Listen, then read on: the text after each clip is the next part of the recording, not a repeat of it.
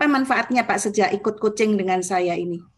Ya, baik. Jadi kalau dari saya pribadi Bu, dari uh, manajemen, dari manajerial level ya, kalau kami melihatnya sih kan uh, banyak banyak coaching itu yang fokusnya memang di uh, subsektor ya Bu. Jadi manajemen, ada yang ngomongin etik, etika kerja gitu kan Bu, atau team building, atau finance doang, atau pajak doang. Nah kalau menurut saya tuh yang beda dari Burona, dari rantai kausal itu adalah sebetulnya ini Bu, memblend ini semua menjadi decisional decisional making tool gitu Bu. Jadi cara untuk membuat decision karena memang kan uh, Bu Rona kan sebagai CFA pasti udah banyak banget kan dan juga CFO gitu. Jadi udah CFA juga, CFO juga. Jadi otomatis kan karir Bu Rona ini memberikan segala macam apa ya kayak insight gitu Bu.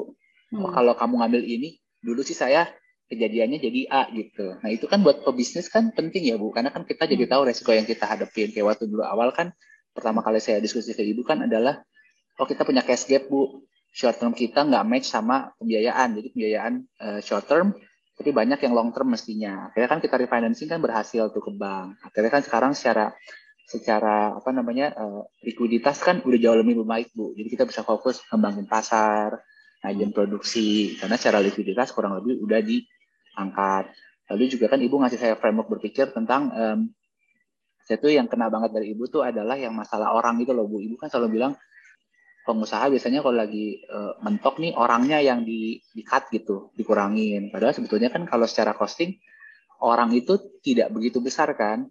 Ibu hmm. pernah bilang gitu tuh waktu awal-awal. Akhirnya hmm. saya coba cek memang benar. Kayak saya isu saya terbesar kalau secara cash flow ya bu ya memang di uh, jatuh tempo jadi jatuh tempo fasilitas saya itu nggak match dengan cash flow saya dari customer. Yang saya bilang tadi jadi jatuh temponya pendek bayarannya panjang bu. Jadi selalu ada cash gap tuh yang kita harus nombok setiap saat. Hmm. Hmm. nah akhirnya kita juga ganti kan bahwa orangnya kita bahas ulang organizational structure-nya kita cek kan kita cek sama ibu bareng. Kelihatan yang mana yang mana mana yang potensi nanti enggak efektif lalu ada potensi misalnya bisa ada permainan ada fraud. Dan juga uh, sekarang kan kita masuk ke yang ngomongin authority nih tapi kan in general nih dalam enam bulan ini ya saya bersyukur bisa melewati ini semua Bu dengan tools yang Ibu berikan, melewati masa-masa sulit di industri kami ya karena harga besi yang turunnya terlalu drastis Bu, 30% dalam enam bulan gitu. Hmm. Ini kan kayak kayak crash ya jatuhnya gitu. Jadi kita kayak usaha terus crash ya kalau kemarin nggak siap sih ya mungkin habis lebaran udah kusut banget tuh Bu. Ya kan kita nggak ada planning hmm. apa-apa hmm. gitu. Tapi ya sekarang setidaknya kita udah bisa mulai nata. Strategi kita juga sekarang jauh jauh lebih komprehensif Bu. Jadi nggak semata-mata jualan tapi juga oh ini ada jualan, tapi jualan ini implikasinya sama cash flow apa?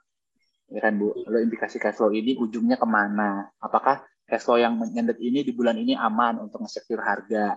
Atau tidak aman? Kalau tidak aman kita harus apa? Jadi kayak sekarang multifaktor dan ini saya terapkan cara berpikir ini ke purchasing saya Bu, ke sales saya. Jadi kita kalau meeting Senin tuh sekarang jauh lebih cepat Bu, karena nggak bertele-tele bahasnya, benar-benar strategi aja.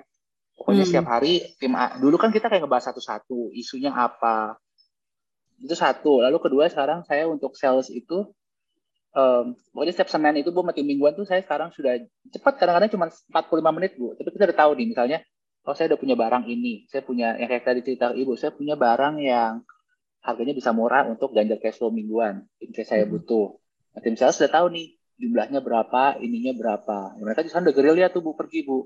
Nah, hmm. kalau masalah tagihan, kita juga udah punya framework kan, bahwa pokoknya sekarang kita udah bagi. Kalau minta kredit limit surveyor wajib maju. Surveyor udah bagian terpisah.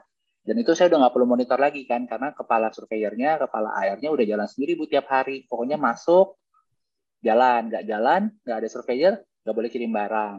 Jadi semuanya pun perbagian udah tahu tuh job masing-masing.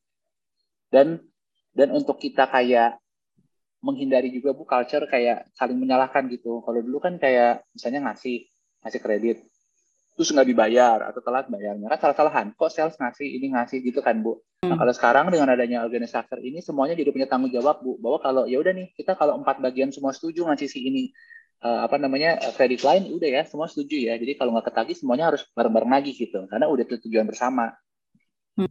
Nah ini akhirnya kan juga ngebangun semangat tuh teman bahwa oh ya udah nih ini ini juga tanggung jawab saya gitu jadi yang tadinya nagih hanya sekedar administrasi nagih sekarang nagih memang dia tahu divisi dia itu punya tanggung jawab besar untuk jangan sampai tidak tertagih gitu bu.